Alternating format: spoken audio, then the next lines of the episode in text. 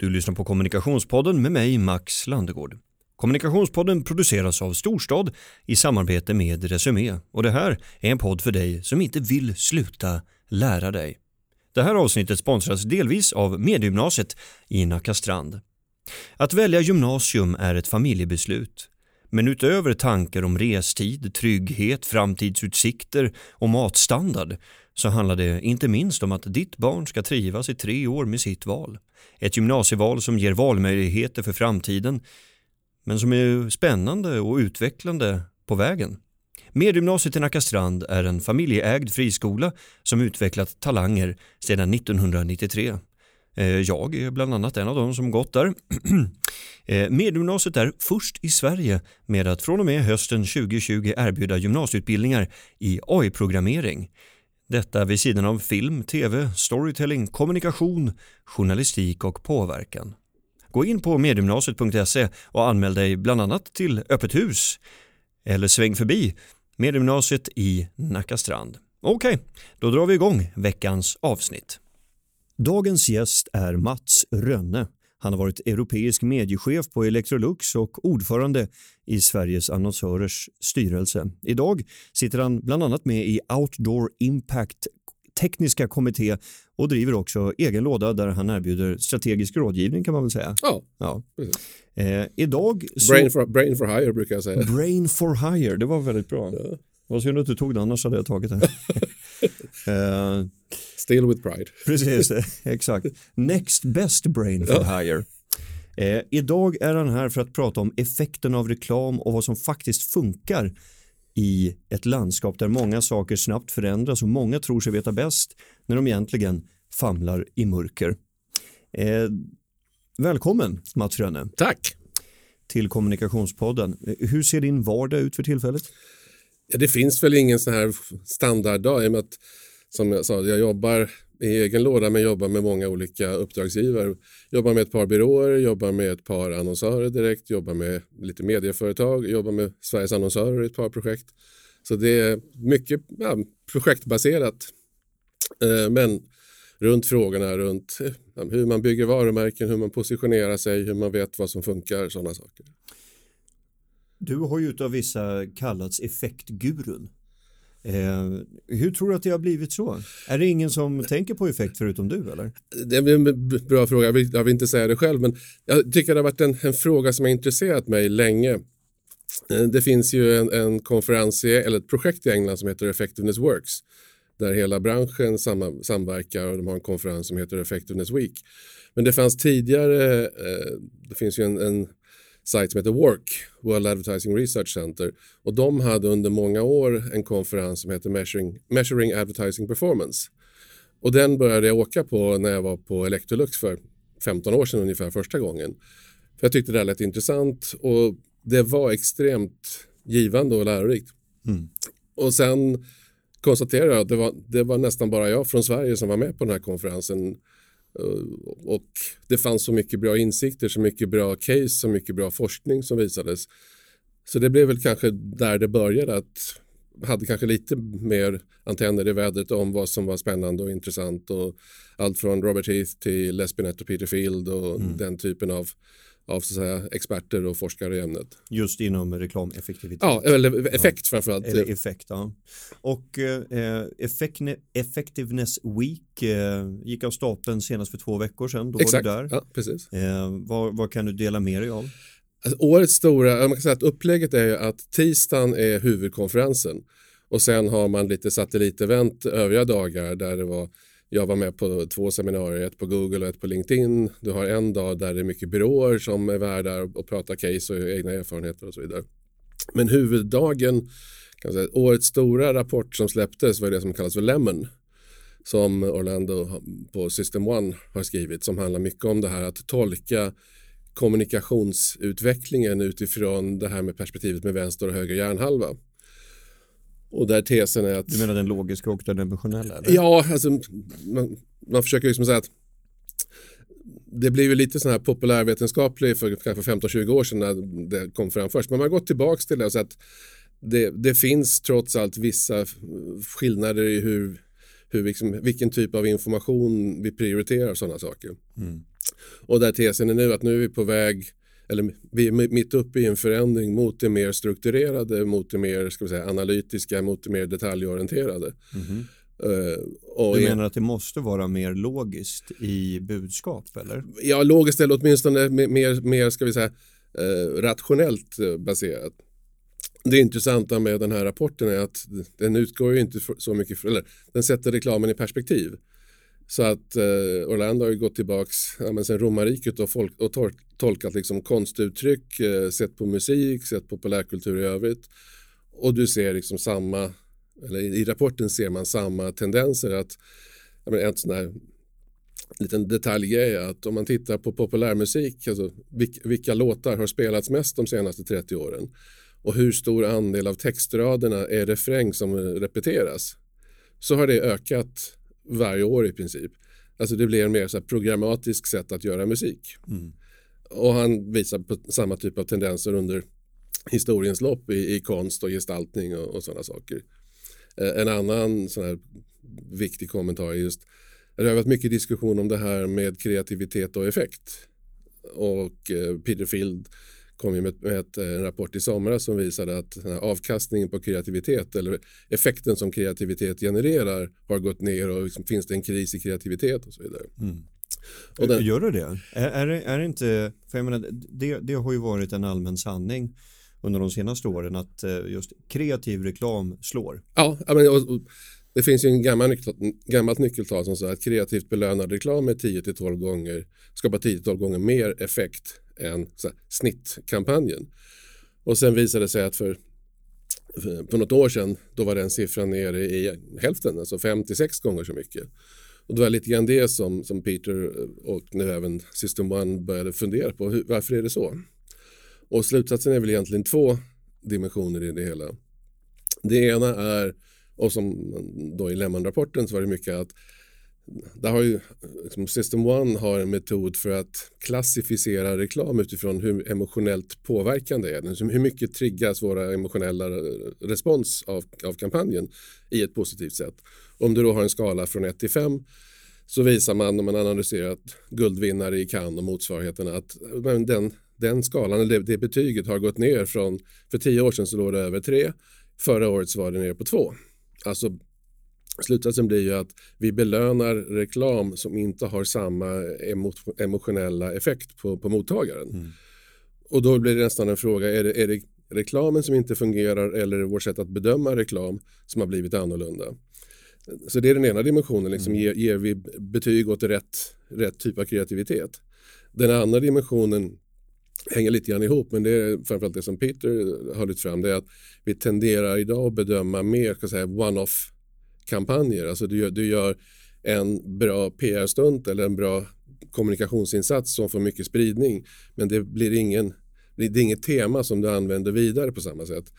Uh, jag tittar tillbaks nu, det är ju 30-årsjubileum för 100-wattaren och lite intressant att se. Som också är ett effektivitetspris. Ja, ex exakt. exakt. Mm. Och, uh, Fast i Sverige. Precis, jag hade förmånen att titta tillbaks på de här 30 åren, vinnare och historik och så vidare. En sak som verkligen imponerar på mig det är att Bregottfabriken mm. med kossorna, eh, med kossorna mm. har funnits i snart 25 år. Mm. Och det, då tycker jag, då har man ett, valt ett kreativt koncept som verkligen har, så här, som engelsmän säger, it's got legs. Du mm. kan liksom spinna vidare på samma tema. ICA-Stig kom väl första gången, det 2001? Och så här, det är väl snart mm. 20 år i alla fall. Så att liksom, där du som, som, som byrå har skapat någonting som går att återanvända under väldigt lång tid. Mm. Då får du också en, en hävstångseffekt därför att jag som mottagare, jag känner igen ett maner. Vilket också gör att reklamen får högre verkningsgrad därför att det gör det lättare för oss som mottagare att tolka reklamen. Mm. Men bara för att man känner igen det driver det av hävd försäljning? Det finns ju återigen forskning som visar att här att skapa här, markörer i kommunikationen. Sen om det är en, en, en kossa eller det är en, en jingel som du känner igen eller ett färgmaner eller någonting annat. Det i sig har en hävstångseffekt. Mm. för man kan ju enkelt säga att vi konsumenter tycker inte att reklam är intressant. Eh, vi kan fångas av ett bra budskap. Och det är ju bra. Men vi ska ju också förstå vem det är som är avsändare. Och om det, det enda sättet för dig att förstå vem som är avsändare är att det finns en logga två sekunder på slutet. Då är risken rätt stor att du faktiskt inte gör den kopplingen att det var en kul, en kul film eller en, en kul annons. Men vem var det för? Ja, det var något spelbolag eller det var någon, någon tv-märke eller det var någon mobiloperatör. Men vilken det var kommer jag nog inte ihåg. Så. Nej, det, var, det var det som hamrades in tydligast eh, under en av kurserna jag gick på IHR. Det var just börja alltid med loggan. Ja, och, och, jag ska säga att om du bara har loggan då har du ett dåligt koncept. Ja. Alltså egentligen ska du ha, kunna känna igen det där och det behöver inte vara liksom exakt samma maner eller samma mall på allting. Men nu är kossorna, om man tar det som exempel, de är ju extremt eh, nutida i och med att de fångar upp saker och ting som händer i omvärlden och så gör man en spin på det i, i Bregott-fabriken mm. med vad det nu är för Ja men exakt, körigt i Bregott-fabriken och så är det någon ko som ställer sig. Ja och det är vaktavlösning och det är ja, integration och mm. du kan göra väldigt mycket utväxling på det där. Ja. Eh, finns det någon särskild yrkeskategori som famlar särskilt i mörkret när, där de tror sig veta vad som funkar men ändå inte gör det? Oj, uh... Häng gärna ut folk. Ja, precis. Nej, men det, är det är väl så här, ska jag säga, att ett, ett av problemen vi har haft de senaste tio åren, på gott och ont, det är just framväxten av det digitala. Och eh, det har väldigt många fördelar. Det hjälper oss med väldigt mycket data, väldigt mycket underlag. Det hjälper i konvertering, många sådana saker. Men vi hamnar ibland i en sits där vi tror att bara för att det finns någonting nytt så är det universalmedlet för allting. Och eh, det finns ju en gammal liksom, devis som säger det är skillnad på det som är lätt att mäta och det som är rätt att mäta. Och det är väl ett av problemen vi har idag det är att det finns väldigt mycket data inom det digitala. Det finns även mycket data inom andra kanaler och andra aktiviteter. Men ibland är de lite svårare att få fram. Eh, och ibland så gör vi liksom minsta motståndets lag. Att vi, vi, tar en massa siffror och vi tror att i och med att vi har mycket siffror så har vi också förståelse för effekterna. Och, och det är väl där kanske det finns en utmaning att lägga mer tid på att tänka och fundera och analysera eh, liksom de här siffrorna. Vad säger de egentligen? Så att säga? Mm. Och varför, varför ser de ut som de gör?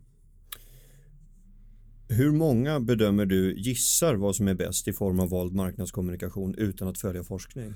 Oj, det är svårt att sätta en siffra på det för då gissar mm. jag också. Så att säga. Ja, Men eh, jag brukar säga så här att det, det finns, jag brukar säga att ska du vara en duktig marknadsförare så är det tre kunskaper du behöver ha.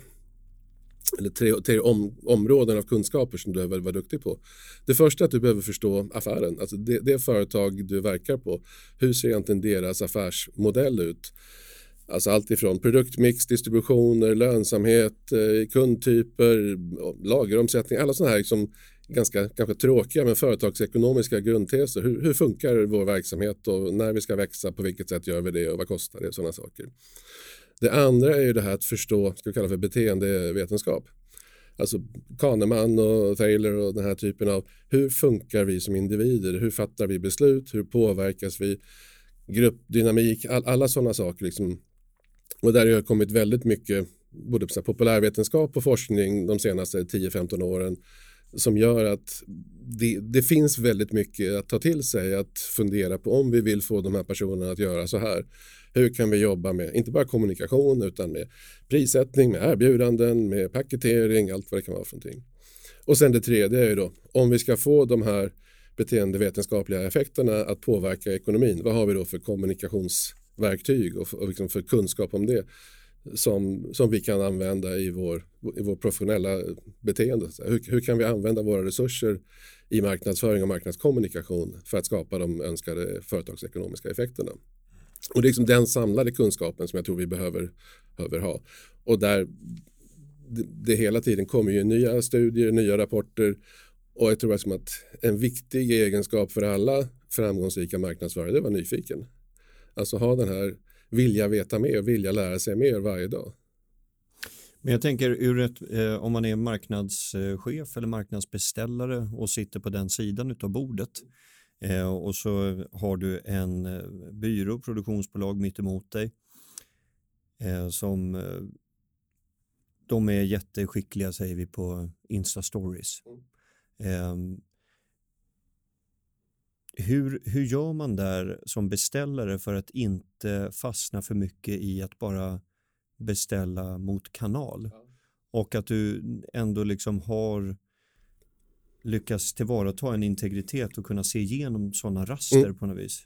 Det är en jättebra fråga och jag tror liksom det fundamenta i den där diskussionen handlar om antingen så är jag själv så här, dirigenten i orkestern eller så behöver jag ha en bra dirigent som kan hjälpa mig att, alltså någon som inte har, ska vi kalla för, någon verkstad att, att försörja utan som bara blir bollplank i, ska vi kalla det för strategi eller, eller tankefrågor.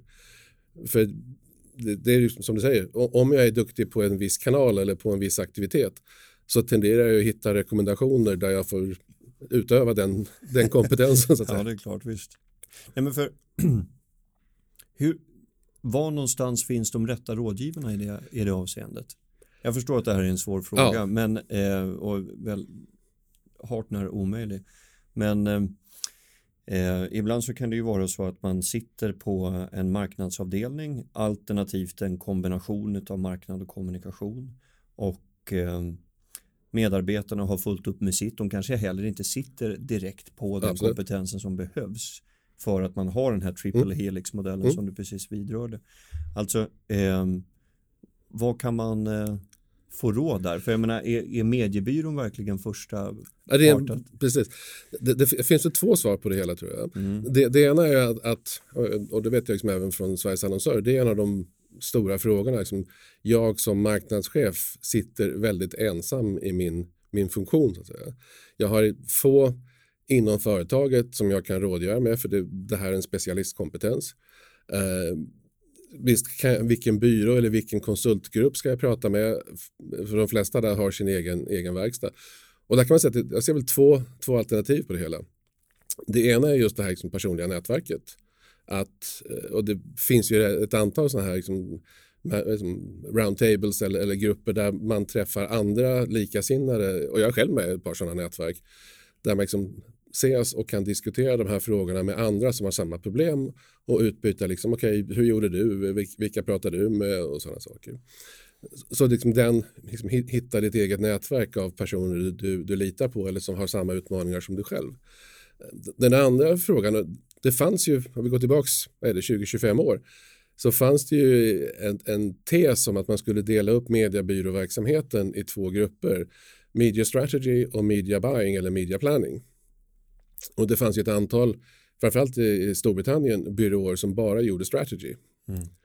Uh, för att liksom, tesen var just det att om, om vi liksom har ett antal inköpsfunktioner så kommer vi att vara liksom påverkade av det. Utan vi säljer ren konsulttjänst och då, då har vi liksom ingen, ingen liksom, inga bindningar till någon kanal eller provisioner eller, eller sådana saker. Så Sen landade det att ja, men de flesta av de där byråerna blev uppköpta i alla fall av nätverken och så blev det integrerat ändå. Så ja, men det, det är en, det är en bra ambition för mm. jag tänker att eh, som marknadschef så kan det ju kännas lite vanskligt ibland att lyssna på rådgivning från mediebyråer just på grund av det där att det finns incitamentsprogram internt hos ja. dem och eh, relationer och, och optioner och så vidare som, som gör att de kanske inte är helt och hållet ärliga med Precis. vad som är bäst för mig. Nej. Och sen, fin, sen finns det ju en, en, tredje spår som jag tycker man ser rätt mycket tecken på då, och det är ju att, ska vi kalla för managementkonsulter och motsvarande närmar sig allt mer marknadsföringsområdet också. Och man köper byråer och man köper konsultverksamheter på olika sätt. Just för att kunna ta ett, ett större grepp eh, in, in, inom den, den sfären. Mm. Va, vad beror det på att management eh, kommer liksom hela marknad och kommunikation försvinna in i någon stor HR-bubbla? Det, finns, det, det kom en, återigen, Effectiveness Works eh, hade en jättebra rapport för, det är väl två år sedan nu, eh, som handlar väldigt mycket om hur skapar man en, en effektiv marknadsorganisation. Och, och där listar man liksom just eh, tre frågor, eller förlåt, fem frågor som, som var det viktiga man listade fem kompetenser men tre frågor som var viktiga. Mm. Och de tre frågorna tycker man formulerade så bra för man sa att utmaningen det är manage marketing, det är monitor marketing och det är market marketing. Alltså det första är liksom, du har allt det här operativa, liksom, hur har du koll på system och aktiviteter och, mm. och liksom, verksamheter och, och, driva personal och allt det där. Mm. Den andra handlar om att men hur kan du visa vad du skapar för nytta, för värde i aktiviteter och sådana saker. Mm. Men det tredje handlar om att hur synliggör vi det här internt i organisationen? Hur visar vi för andra vad marknadsföring egentligen håller på med? Mm. Och skapar liksom en, en, förståelse för det hela.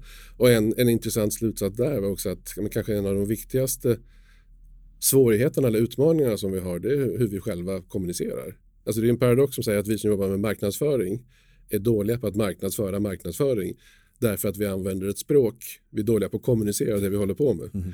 Så att vi pratar i termer som ingen annan förstår. Om vi pratar liksom varumärkespreferens. Men vad mm. betyder det egentligen för en, en CFO eller en produktionschef så att säga. Mm. Om vi omsätter och säger att ja, det, är, det är marginalförsvar eller det är liksom eh, köpebenägenhet. Mm. Ja, men, alltså, termer som andra förstår i alla fall. Ja men exakt. Alltså, det, det där, jag, jag var inbjuden för att eh, föreläsa om employer branding för ett antal eh, ägare och operativa vd i mellanstora företag på hantverkssidan. Mm. Eh, och eh, ingen i rummet eh, ansåg sig behöva marknadsföring. Mm. Det var liksom ingångsvärdet. Eh, jag trodde ju att, ja, jag, jag tänkte att jag hade, skulle ha någon med mig, ja. men det hade jag inte i början. Ja.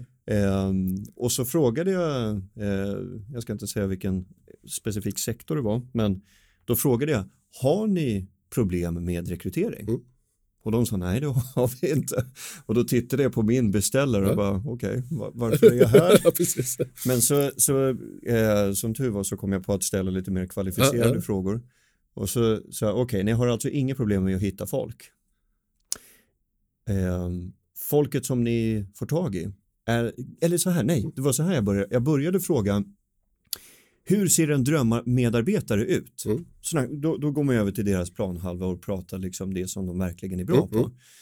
Eh, och jag menar, alla medarbetare i nästan alla organisationer, det känns ju igen. Från förskollärare upp till eh, Boston Consulting Group. Alltså att eh, vet, service management och så vidare och så högst upp så ska du själv kunna driva affär på något sätt att du kanske kan erbjuda mer försäljning i samband med en kundkontakt och så vidare.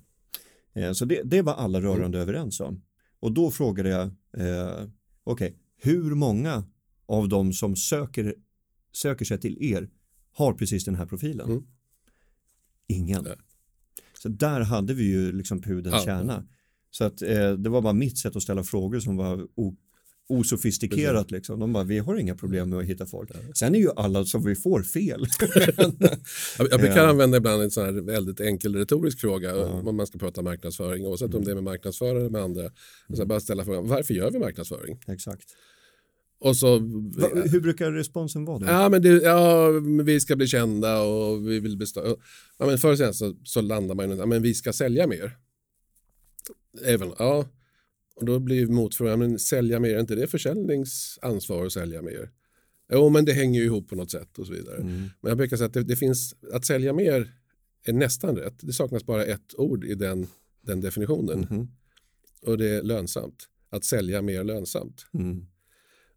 Vi hade, jag hade på Electrolux en... Man ska kunna ta bättre betalt. Ja. ja, och jag brukar säga att ska man bara ta ett enda nyckeltal och mäta marknadsföringens värde så är det liksom ökar du din betalningsvilja hos kunderna, ökar du det snittpris du kan ta ut för din produkt eller tjänst. Mm. Ja, och eh, om jag glider in, för det är väl mitt eh, kärnkompetensområde just med employer branding, mm. så skulle väl jag också säga att i marknadsföringen hjälper ju väldigt mycket att eh, om man tänker på en medarbetare som en kund ja. Så Eh, minskar känsligheten för andra typer av frågor ja, om marknadsföringen är väldigt stark. Ja. Och eh, självklart ska det ju finnas ett eh, att du svarar upp mot ett sånt löfte som du ja. ger såklart. Men, ja, sätter, sätter man liksom samma, samma tes i employer branding system jag, men, liksom, vad är marknadsföringens syfte där? Jo, men det är ju att göra det lättare att rekrytera rätt folk och behålla mm. den, den kompetens du har i bolaget. Mm, exakt, och det, det, det, har jag sett. Det, det, är så genialt i sin enkelhet att också se det, för det är ju väldigt mätbart. Mm att titta på profilen, antal sökande, hur ställs frågorna från alltså medarbet de potentiella mm. medarbetarna under arbetsintervjuer? Mm. Vad har de för kontrollfrågor? Hur ser löneanspråket ut? Alltså allt det där påverkas av huruvida du har en framgångsrik employer branding. Aktivitet eller inte. Ja, intressant. Eh, vilka skulle du säga är de bästa mätverktygen för att undersöka huruvida en insats har drivit kännedom eller sälj eller så? Alltså det finns ju många sätt att göra det här på mm. och eh, jag, jag, tror man, man ska egentligen dela upp det där i det kortsiktiga och det långsiktiga. För att kännedom är ju, man behöver hålla isär, är det har sett reklamen eller känner till bolaget. Och det ena är ju att mäta kampanjen, det andra är att mäta effekten av kampanjen om man ska lite, lite enkel. Mm. Och då kan man ju tycka, jag tycker man ska titta på allt i två dimensioner. Det ena är alltså attityder och kännedom. Och det där är ju svårt att göra om inte du gör undersökningar, om du gör någon typ av varumärkestracker eller motsvarighet. Liksom, känner de till oss spontant? Är vi ett tänkbart val? Står vi för de associationer vi vill, vi vill förknippas med och sådana saker? Och det där gör du ju oftast via någon typ av tracking eller mätning på det, på det sättet. Det andra är att se vad vill vi ha för beteende av det hela. Liksom. Eh, och det är klart, du kan mäta försäljning men ofta ligger ju försäljningen ganska långt efter om det är en, en, en, produkt som du inte köper varje dag och du kanske har en lång beslutsprocess. Men det finns ju liksom proxyvärden som man kan se. Nästan alltid, ja, men idag så kan vi säga att det finns ingen försäljning som inte har någon typ av digital kom komponent i sig. Du går in på en hemsida vad det än är för någonting. Då, då är en väldigt enkel mm, mätmetod att se liksom, vad har vi för trafik på sajten, hur mycket, hur mycket sök har vi genererat till exempel. Så att, och, och sen har det kanske steg emellan, men hur mycket fick, är det att driva folk till butik? Ja, men fick vi fler besökare? Eh, ibland har det liksom, du ska liksom, ladda hem material liksom, för att läsa på eller liksom, fundera på. Eh, för i många steg så är det ju inte köpet direkt utan du, du har en, en funderingsprocess. Mm. Så liksom, jag tror liksom, det, det, finns inte ett verktyg utan fundera på den, den köpprocess som våra kunder går igenom vad finns det för steg i den som vi kan kvantifiera? Mm. Jag tycker det är jätteintressant att tänka på var beslut fattas. Mm. Eh, alltså vilken kontext. Ja. Eh, och det, det, det, finns ju självklart en, en, väldigt, oj, en väldigt bred flora ja. av hur, liksom, ja, det beror ju helt på vad det är du står inför för köp såklart. Ja. Men Eh, det är väldigt intressant tycker jag att eh, se på det eh, kontextuella. Mm. Det finns en jätteintressant diskussion om det här med köpresor. Mm. Som ju väldigt många, jag var själv med i en stor studie om det hela.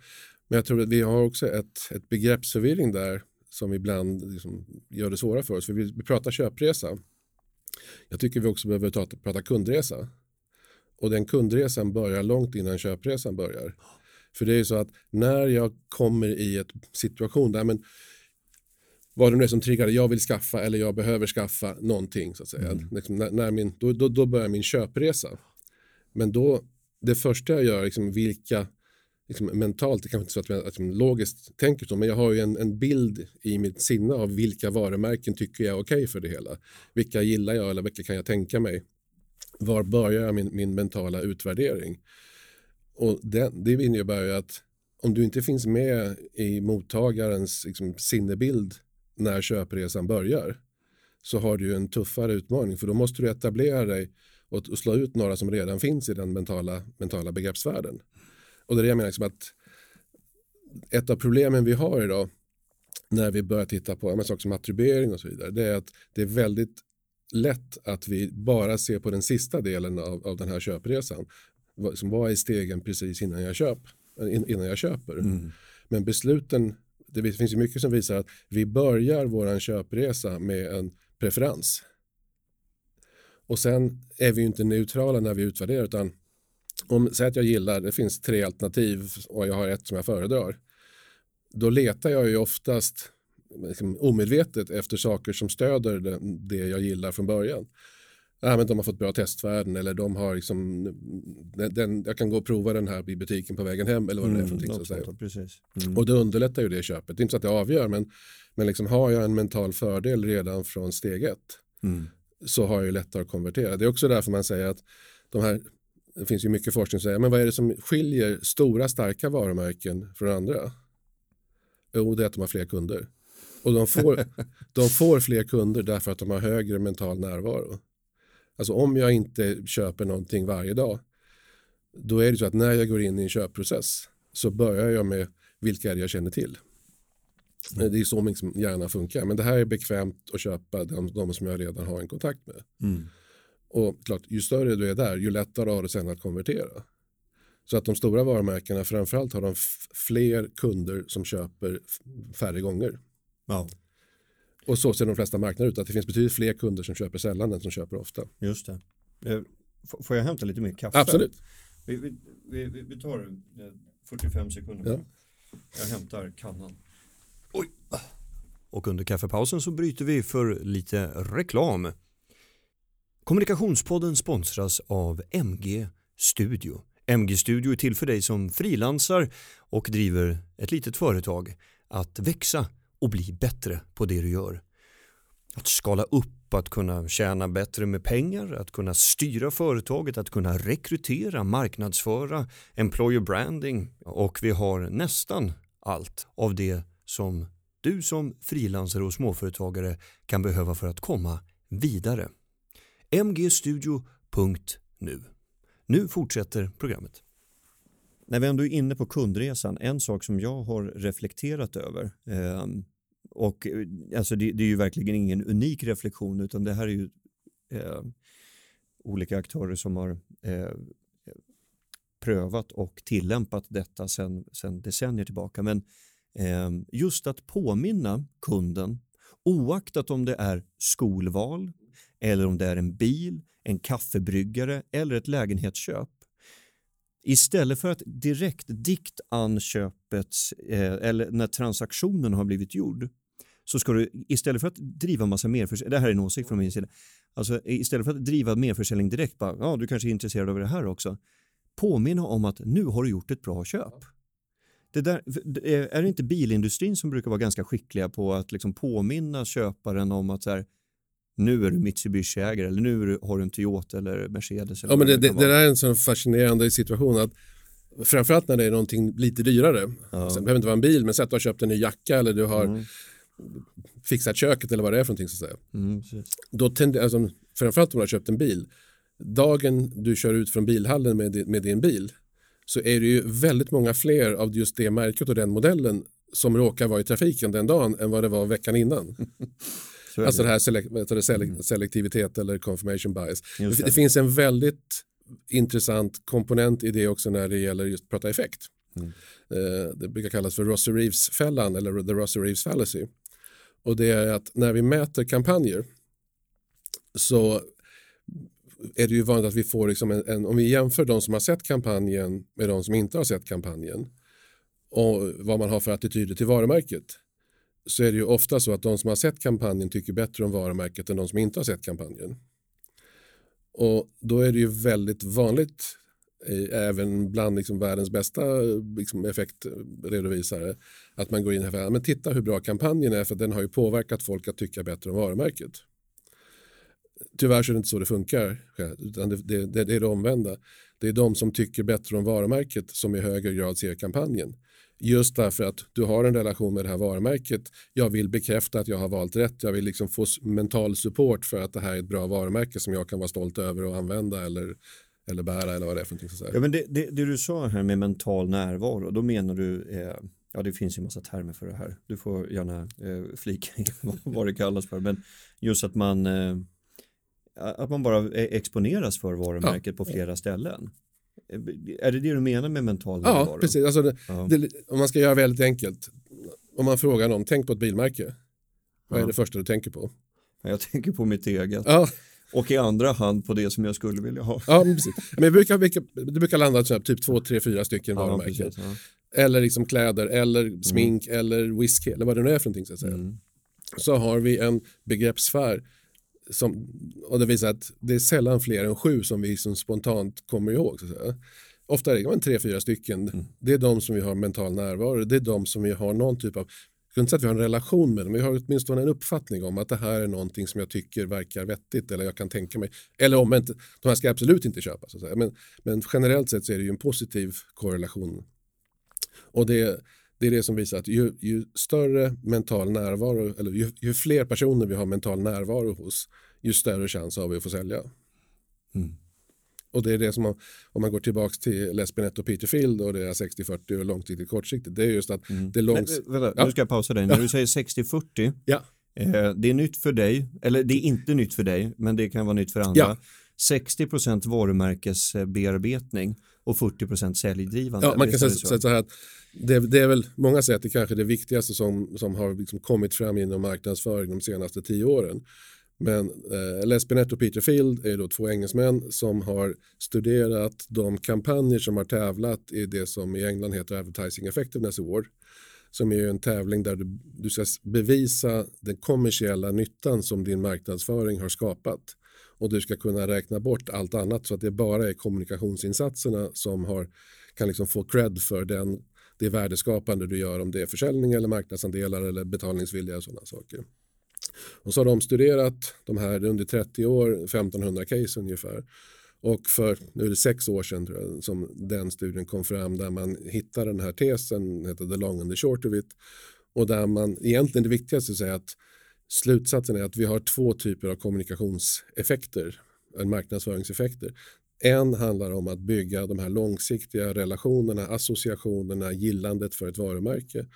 Och en helt annan handlar om att få någonting att hända. Och de här har diametralt motsatta verkningssätt. Det långsiktiga är väldigt mycket om att bygga en, en mental bild av vad varumärket står för. Det gör vi framförallt emotionellt i och med att det handlar om att nå så många som möjligt, den här mentala närvaron, så vill vi gå brett. Vi vill gå, liksom berätta en story om, om vad vi är för någonting. Den här andra kortsiktiga aktiveringen det är ju att nå de som är väldigt nära en köpprocess eller i en köpprocess så att de ska välja oss mm. istället för någon annan. Och då har vi mycket mer konkret, liksom då är det att ge mig skäl till att välja det här. Det kan vara de här klassiska erbjudanden, prova på 30 dagar gratis, köp tre, betala för två, alla sådana ja, saker. Precis. Eh, då, är differens, då ser differensen annorlunda ja. ut. Och, och, och ja. skillnaden är ju att det, det, kan du mäta här och nu för det är ju som att få någonting att hända idag. Mm. Och då är deras slutsats. Men det andra är svårare. Ja, mm. deras slutsats är att ska du ha någon slags liksom, gyllene snittet i din marknadsföringsbudget så lägg 60% ungefär på det långsiktiga och 40% på det kortsiktiga. Mm. Mm. Och då ska man inte vara, för det, det, där kan ju jag blir lite allergisk mot att folk tror att de håller på med varumärkesbyggande kampanjer men så trycker de in något eh, säljdrivande argument i alla fall och då faller det ju nästan som ett korthus. Eh, en väldigt eh, framgångsrik eh, i min mening, eh, i alla fall om man tittar på hur man ska eh, på ett bra sätt eh, utarbeta en, en bra varumärkesberättelse mm så är det Eriksbergs en, en god historia. Mm. Känner du till dem? Absolut, ja. Med de här personliga berättelserna om eh, och det är just den här typen av historier som man verkligen kan tänka sig att få berättat för sig när man tar en, en öl ja, eller ja. vad det nu kan vara. Liksom att i, i en mer re relaxed mode precis. så är det de här historierna som dyker upp och där har du ju inga typer av säljargument utan det är berättelsen i fokus. Liksom. Det, det, finns, ju, finns ju många det bara ett. Det ja. finns ju långt många fler. Och, och, och framförallt om man tittar på de som vinner de här långsiktig varumärkesvård, vare sig det är 100 wattaren i Sverige eller det är Effectiveness Award i UK eller så vidare, så är det ju nästan alltid så, eller inte bara nästan, det är alltid så att det finns en väldigt bra berättelse eller struktur på en berättelse i botten. Mm. Sen kan du ha säljkomponenter i det också. Jag vet till exempel eh, en som vann i Sverige för några år sedan var ju Comvik Eh, med Karim och Christer och så vidare. Mm, just det. Mm. Men, men, det är också att men det finns ju karaktärer där som vi kan identifiera oss med.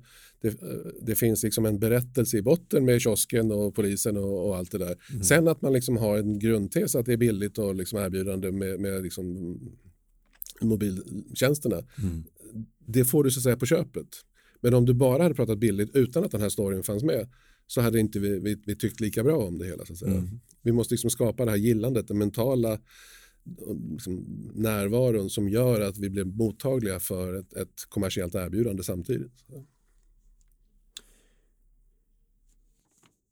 Om man har en årlig budget på 100 000 i marknadsföring och verkligen behöver profilera sitt företag och man sitter ensam med marknadsföringsfrågan. Vdn fattar ingenting, Eh, du har någon CFO som inte heller begriper och så har du någon på HR som sköter internkommunikation. Låt säga att du eh, känner dig som en satellit som kretsar kring den här planeten som du ska försörja på något sätt. Liksom. Och du har en hundring. hur ska man tänka? Du Ja. får gärna dela in om man beroende Precis. på kategori. och så. Jag, jag skulle nog vända på och säga att hur, hur stor är företaget? Ja, men vi säger att det är ett mellanstort företag eh, med eh, mellan 30 till 40 anställda. Mm. Eh, så, och om man då antingen säljer en någon hårdvara Mm. i form av en, en någon verktyg eller någonting sånt eller om det är en tjänst. Antingen hushållsnära tjänster eller management service eller Mm. något sånt där. Alltså jag, e- egentligen ska jag, jag skulle ju börja med att titta på resonemanget och säga 100 000 i, i förhållande till vilken omsättning. Men eh, om, om man ska göra det väldigt enkelt skulle jag säga så här att det första jag skulle fokusera på det är att Mm. förstå vilken är min målgrupp. Och vilka, för att med en väldigt begränsad budget så tror jag att det viktigaste du kan göra det är att vara fokuserad. Alltså våga välja bort, så här, vem är det jag faktiskt behöver nå och hur når jag dem på bästa sätt med en bra berättelse. Alltså det kan ju vara så, så enkelt, ja, men pratar vi om en B2B-värld och sådana saker, men kanske det är 100 företag vi behöver nå. Mm. Och Ja, då kan ju 100 000 räcka. ja men precis, då kan jag liksom göra, göra, liksom, ja, men, göra en låda och skicka ut så här, ungefär. Ja men exakt, en snidig printprodukt och sen Ja, eller liksom klassiska, ja, men- som jag sa, titta, titta tillbaka på 100-wattaren under, under 30 år, men går vi tillbaka 20-30 år i tiden, en av de stora kommunikationskanalerna, det var liksom det här fysiska DR-upplägget. Du gjorde men, kreativa lådor om man säger så, med, med liksom innehåll som mottagaren reagerar på rent fysiskt därför att det kom någonting på skrivbordet som hade någon typ av kreativ storytelling mm. om din produkt eller tjänst. Funkar DR fortfarande?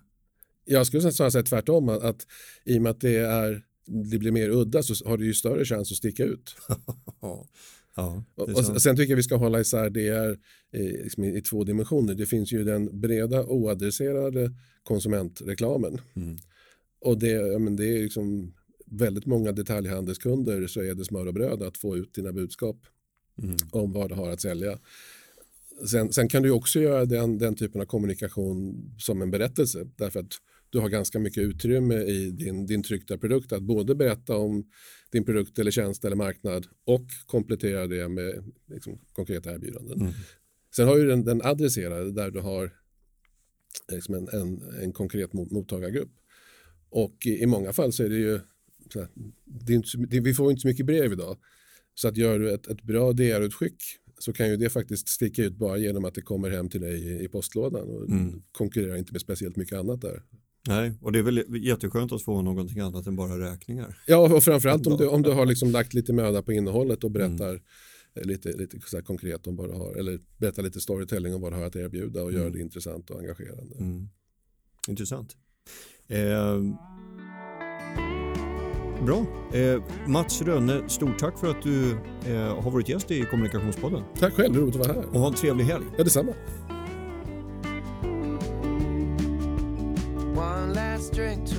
Wishful thinking, and then another again. The bar is getting brighter, and the walls are closing in. Journey on the jukebox singing, don't let the believing end. The one that you had asked for had their eyes for your best friend. Nobody's gonna love you right. Nobody's gonna take you in out the bottle, step into the light